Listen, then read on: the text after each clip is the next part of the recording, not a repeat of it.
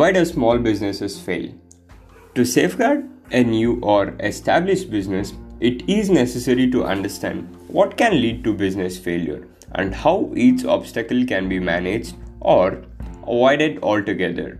The most common small businesses fail include a lack of capital or funding, retaining an inadequate management team, a faulty infrastructure or business model, and unsuccessful market initiatives. Running out of money is a small business. It's a biggest risk. Owners often know what funds are needed day to day, but they are unclear as how much revenue is being generated and disconnected can be distressous. Inexperience managing business or unwillingness to delegate can negatively impact small businesses, as can a poorly visualized business plan, which can lead to ongoing problems once the firm is operational. Poorly planned or executed marketing campaigns or lack of adequate marketing, which will drag down the small businesses. A few reasons why a new business fails are financial hurdles. A primary reason why small businesses fail is lack of funding or working capital.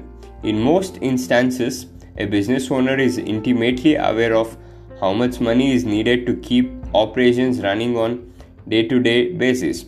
However, Owners of failing companies are less in tune with how much revenue is generated by sales of products or the services.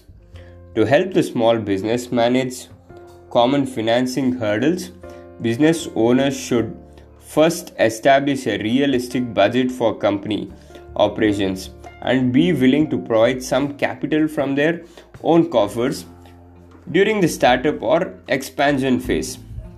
The second important factor is inadequate management. Another common reason small businesses fail is lack of business acumen on part of management team or business owner.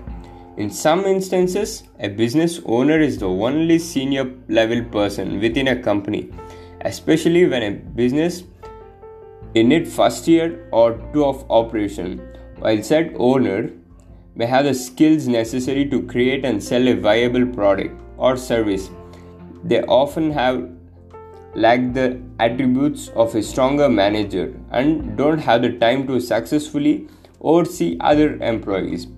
Without a dedicated management team, a business owner has great potential to mismanage certain aspects of the business, whether it be finances, hiring, or marketing.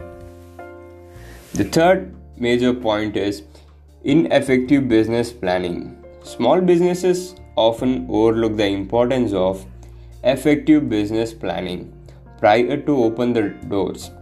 A sound business plan should include a clear description of business, current and future employee management, opportunities and threats within the broader market, capital needs, including projected cash flow and various budgets, marketing initiatives, and competitor analysis.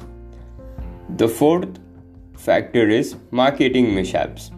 Business owners often fail to prepare for the marketing needs of a company in terms of capital required, prospect reach, and accurate conversation ratio projections.